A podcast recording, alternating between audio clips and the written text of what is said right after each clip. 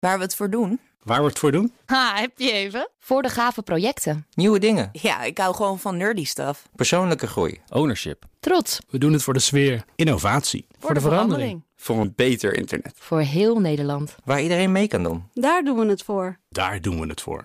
Waar doe jij het voor?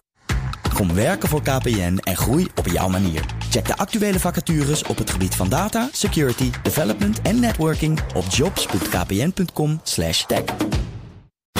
BNR Digitaal wordt mede mogelijk gemaakt door SecureLink. SecureLink. Safely enabling business. BNR Nieuwsradio. BNR Digitaal. Herbert Blankenstein. Welkom bij BNR Digitaal. Straks hoe de aangekondigde scheiding van Amazon-baas Jeff Bezos een politiek steekspel is geworden. Maar eerst de Europese copyright-richtlijn. De Europese lidstaten konden het niet eens worden over het gevreesde uploadfilter en de linktax. Tot een, compromis, tot een compromis tussen Frankrijk en Duitsland zorgde voor een Brusselse meerderheid en de richtlijn in een nieuwe fase is beland. Hier is Michiel Steltman, directeur van de Stichting Digitale Infrastructuur Nederland. Welkom. Goedemiddag. En laten we eerst even het geheugen opfrissen. Twee artikelen in die auteursrechtenrichtlijn waar de pijn zit. Eerst artikel 11. Vertel eens. Ja, artikel 11, dat is het uh, artikel dat gaat over de. Dat noemen we de linktax. Um, het artikel zegt dat links naar sites van gecopyrighted uh, materiaal, dat daar uh, nu niet voor betaald wordt. Dat zoekmachines daar uh, onevenredig en anderen er onevenredig van profiteren. En dat daardoor, daarom voor die links betaald zou moeten worden aan de rechthebbende. Want ja, met die links laat je, is de gedachte, laat je ook een stukje copyrighted materiaal zien. En uh, die arme rechthebbenden die krijgen daar te weinig voor gecompenseerd. En de zoekmachines krijgen heel erg veel. Dat is niet eerlijk. Dat is de gedachte. Nou, hoe dat uitwerkt, is dat er is lang gesteggeld over hoe dat eraan uit moet zien. En er is een compromis nu waarbij de URL mag worden getoond en een paar woorden eigenlijk. En dan is er weer gesteggeld van. Dat mag het, nog gratis. Dat mag nog gratis. En Ja. als het een feit is, dan mag het weer wel. En uh, allemaal gedoe.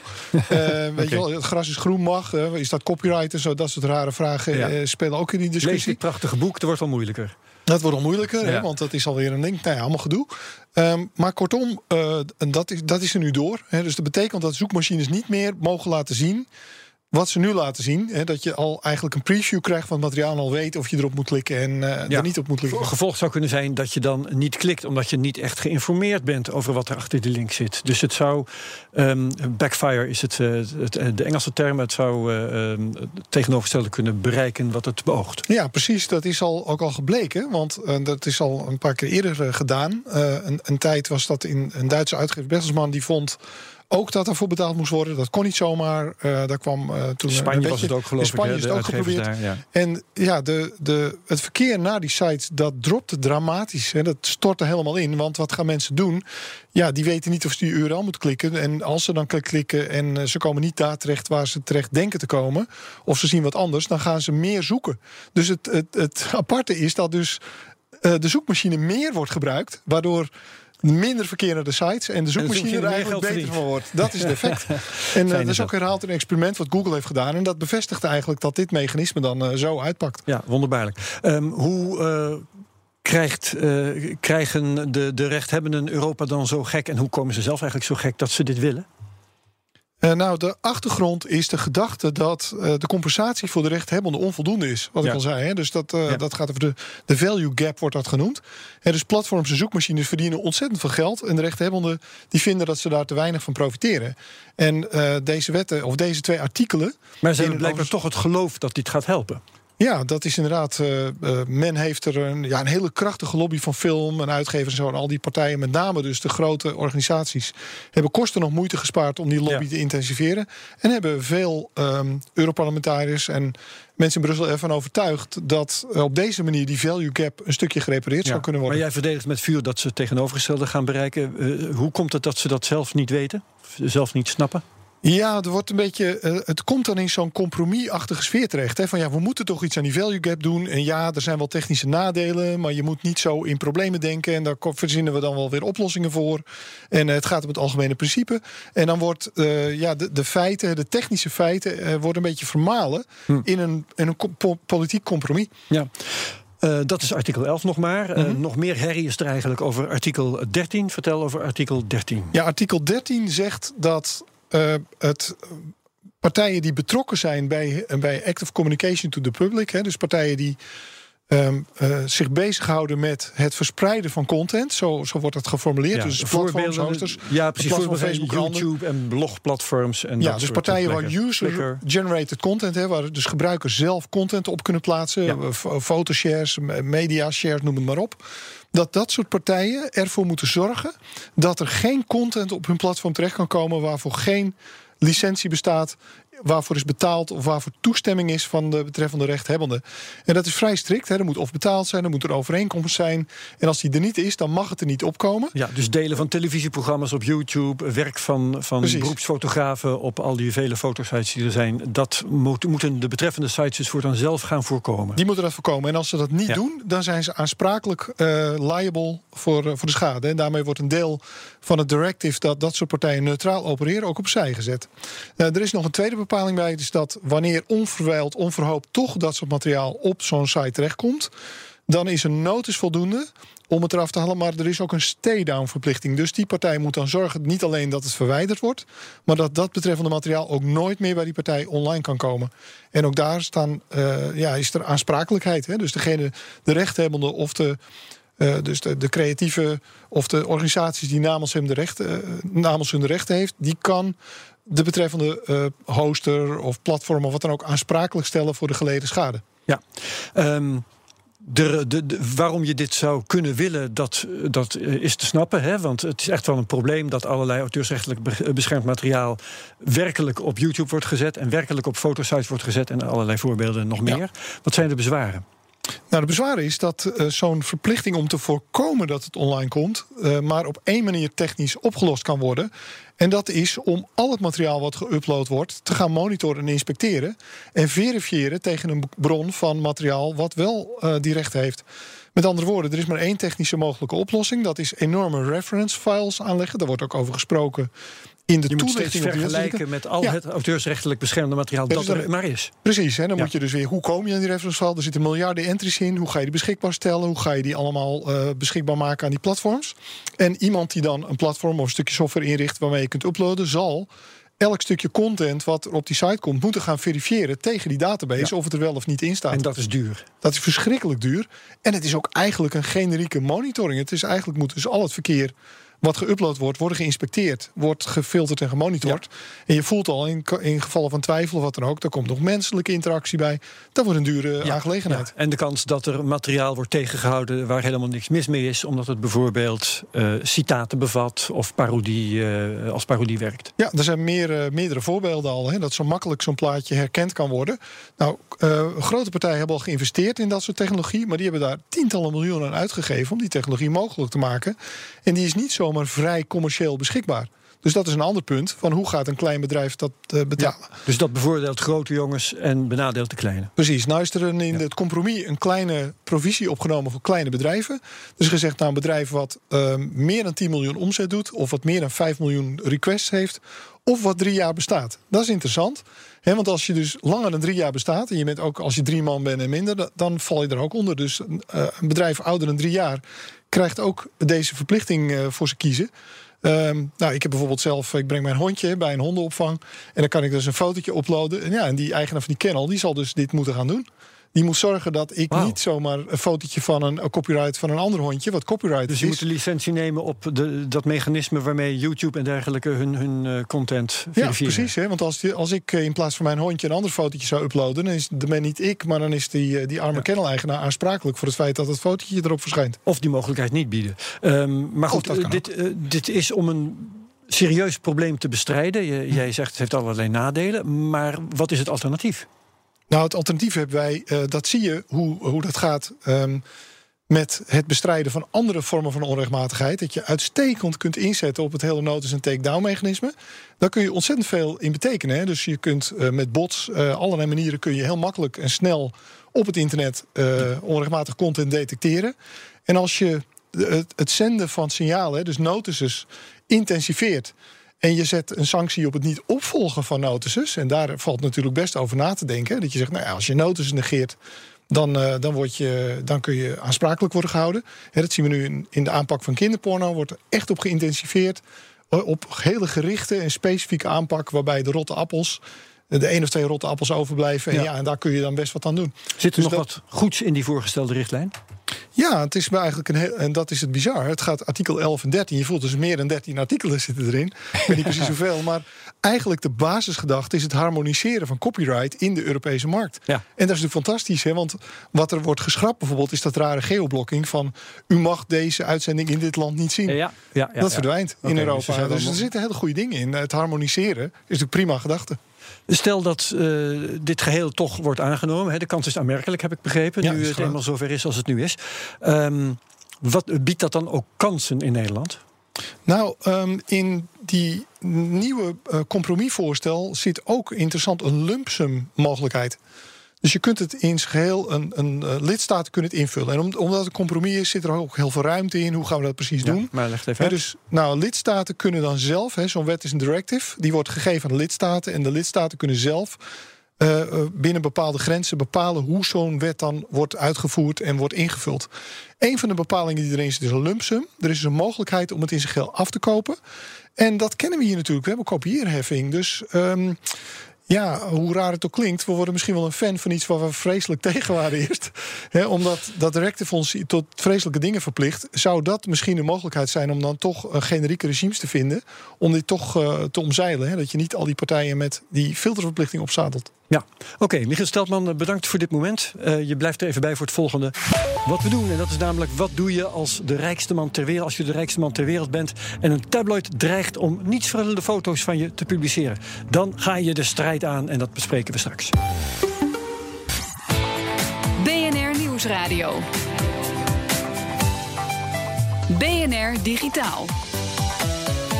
En welkom terug bij BNR Digitaal. Amazon-baas Jeff Bezos ligt overhoop met het Amerikaanse roddelblad The National Enquirer.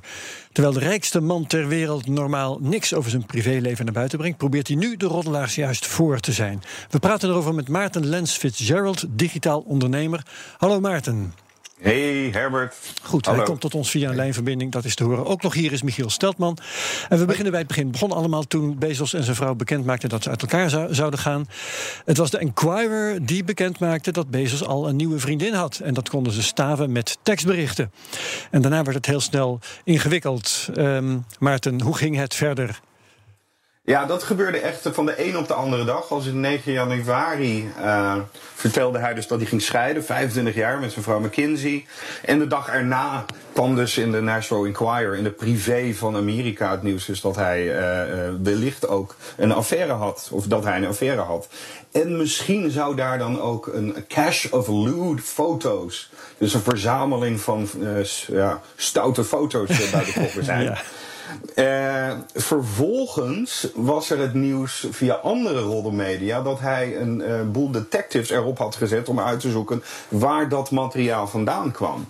En na een tijd radiostilte kwam in één keer uh, het medium, de Medium Post. Dat is een soort lang vorm Twitter, een lang artikel, een lange bericht van hem. Waarin hij zei dat hij gechanteerd werd door de privé van Amerika, National Enquirer. Ja. Uh, zodat hij dus niet verder dat onderzoek zou doen. Ja, en, en, daarbij heeft hij zelf de beschrijving uh, gepubliceerd van die foto's. Hij had een ja. chanterende e-mail gekregen waarin werd de Enquirer duidelijk maakte wat zij in hun bezit hadden. Die mail heeft hij gepubliceerd, waarmee hij automatisch ook publiek maakte wat voor foto's er van hem in omloop waren, zonder dat iemand ze nog had gezien. Uh, ja. Het publiceren van die foto's had daardoor eigenlijk niet veel zin meer. Hè? Was dat nou een meesterzet van Bezos? Nou, uh, ja, ik vind het wel heel slim. Uh, hij is iemand die nooit, of zo goed als nooit, met de pers communiceert. En nu in één keer wel iets doet en iets wat heel persoonlijk is. Hè? Een foto van je piep. Uh, ja. En, en dat is een hele meeste zet, want dat neem je heel serieus. Hij is ook iemand die eigenlijk niks doet, hè, online of wat dan ook. Dus ja, dan ga je luisteren. En natuurlijk is die privé van Amerika, National Enquirer, is, ja, dat is natuurlijk al verdacht. Dus hij stelt zich al hoger zeg maar, in rang in, in, in, in, ja, in de interpretatie. moral high ground anderen. zeggen ze dan in het Engels. Hè? Exact, ja, exact. Ja. Dus ik als, als persvoorlichter of, of stratege denk van ja, bravo. Dat had ik Ja. niet kunnen bedenken, maar eh, dat is wel heel goed. Ja. Komen we straks nog wel op terug, denk ik. Ehm, hoe, kregen ze, eh, hoe kreeg de National Enquirer die sects? Daar had Ja. Bezos dus iemand opgezet. En er waren speculaties. De geheime dienst zou eh, ehm, eh, betrokken zijn. Eh, de naam van Trump werd ook genoemd. Er was ook sprake van dat de, de LinkedIn-hack... waarbij heel veel wachtwoorden op straat zijn komen te liggen... dat die er een rol bij speelde. Uiteindelijk bleek het heel low-tech te zijn, hè? Ja, het was eh, de broer van zijn ex-vrouw. Eh, De broer van zijn ex-vrouw. Ik dacht zelfs de broer van zijn nieuwe vriendin. Maar dat, eh, dat is dus anders. nee, dat, nu ben ik ook even in de war. Maar nou, in ieder geval de broer van. Iemand, iemand zijn broer. Ja, en, maar dat, er even, eigenlijk is dit ook niet helder. Als in, er is geen duidelijkheid of dat echt zo is. Dus al die geruchten en al die, die pers die natuurlijk na deze publicatie van Jeff Bezos zelf is gebeurd, is nog niet helder wat nou echt exact het geval is. En eh, dat maakt het natuurlijk leuk zoals nu om erover te praten. Ja. Maar wat er exact aan de hand is, ja, dat weten we niet. Nee, oké, dus veel dat we niet weten. Is het aannemelijk dat op de achtergrond Trump aan touwtjes trekt? Bijvoorbeeld om eh, Bezos, de eigenaar immers van de Trump-vijandige Washington Post, ehm, in discrediet te brengen? Ja, ze lopen al letterlijk ruzie te maken. Sinds dat begin januari eh, twitterde hij, eh, twitterde Trump over dat eh, Bezos al ja, een beetje gek aan doen is met zijn met zijn ex intussen. En wat zei hij ook weer? Jeff Bozo noemt Trump hem dan op Twitter. Ja. En de competitor, zo noemt hij dan National Enquirer en de Amazon Washington Post. Dus dat, er, ja, dat hij op de hoogte is, dat is zeker duidelijk. Of het aannemelijk is dat Trump erachter zit, dat weet je niet. Er zijn altijd natuurlijk, zeker op dat niveau, verschillende belangen die wij ook als publiek, dan wel als, als pers, zoals jij, niet allemaal zien. En dat zou kunnen, maar ook of dat waar is, dat weten we niet. Ik vind Ja, dat heel Maar goed, het was natuurlijk. eh, vor- ja, vorig jaar april eh, was eh, Bezos ook al de, de devil in, in person. Ja. Eh, toen dat begon met, eh, met vijf of zes tweets, herinner ik me, hè, van Trump over eh, wat er allemaal, hè, dat, dat die US Post eh, om zeep hielp. En het was allemaal heel verschrikkelijk. Dus ja, het- is dan blijkbaar een jaar stil geweest of zo. bedoel, Maar die man had wel gericht.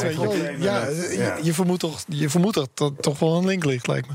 Ja, Ja, maar het- vermoeden absoluut. Tr- Trump heeft sowieso met veel Valley mensen, hè, wat natuurlijk een liberaal bolwerk is in Silicon Valley, daar heeft hij moeite mee.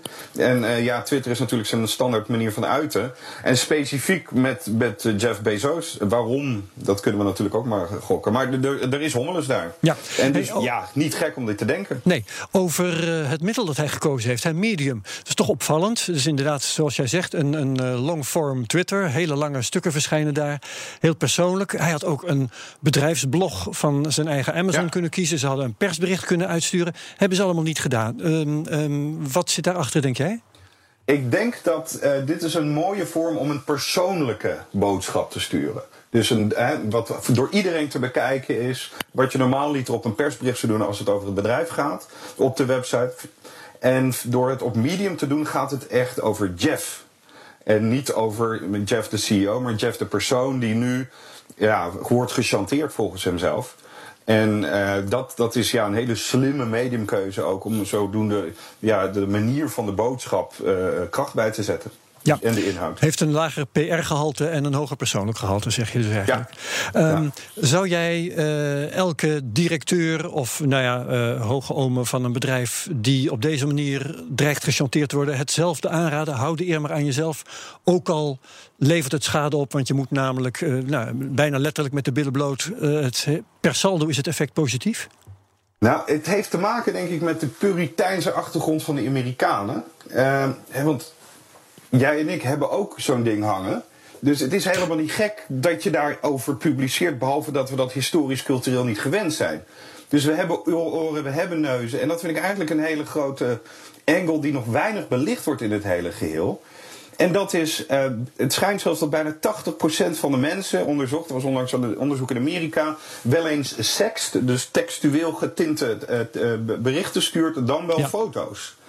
Dat betekent dus dat onze kinderen dat zeker zullen gaan meemaken. Zeker met die penetratie en het gebruik van de moderne media. Dus wat nou, als je dus omdraait, waarom zegt Bezos niet alleen van kijk eens, hier heb je alle foto's ook. Want A, ik ben een normaal mens zoals jullie.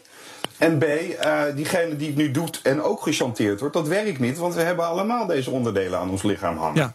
Ja, waar, waar, uh, dit naartoe gaat, hoor ik een beetje uit je woorden. Um, dit draagt eraan bij dat straks niemand meer chanteerbaar is met dickpics.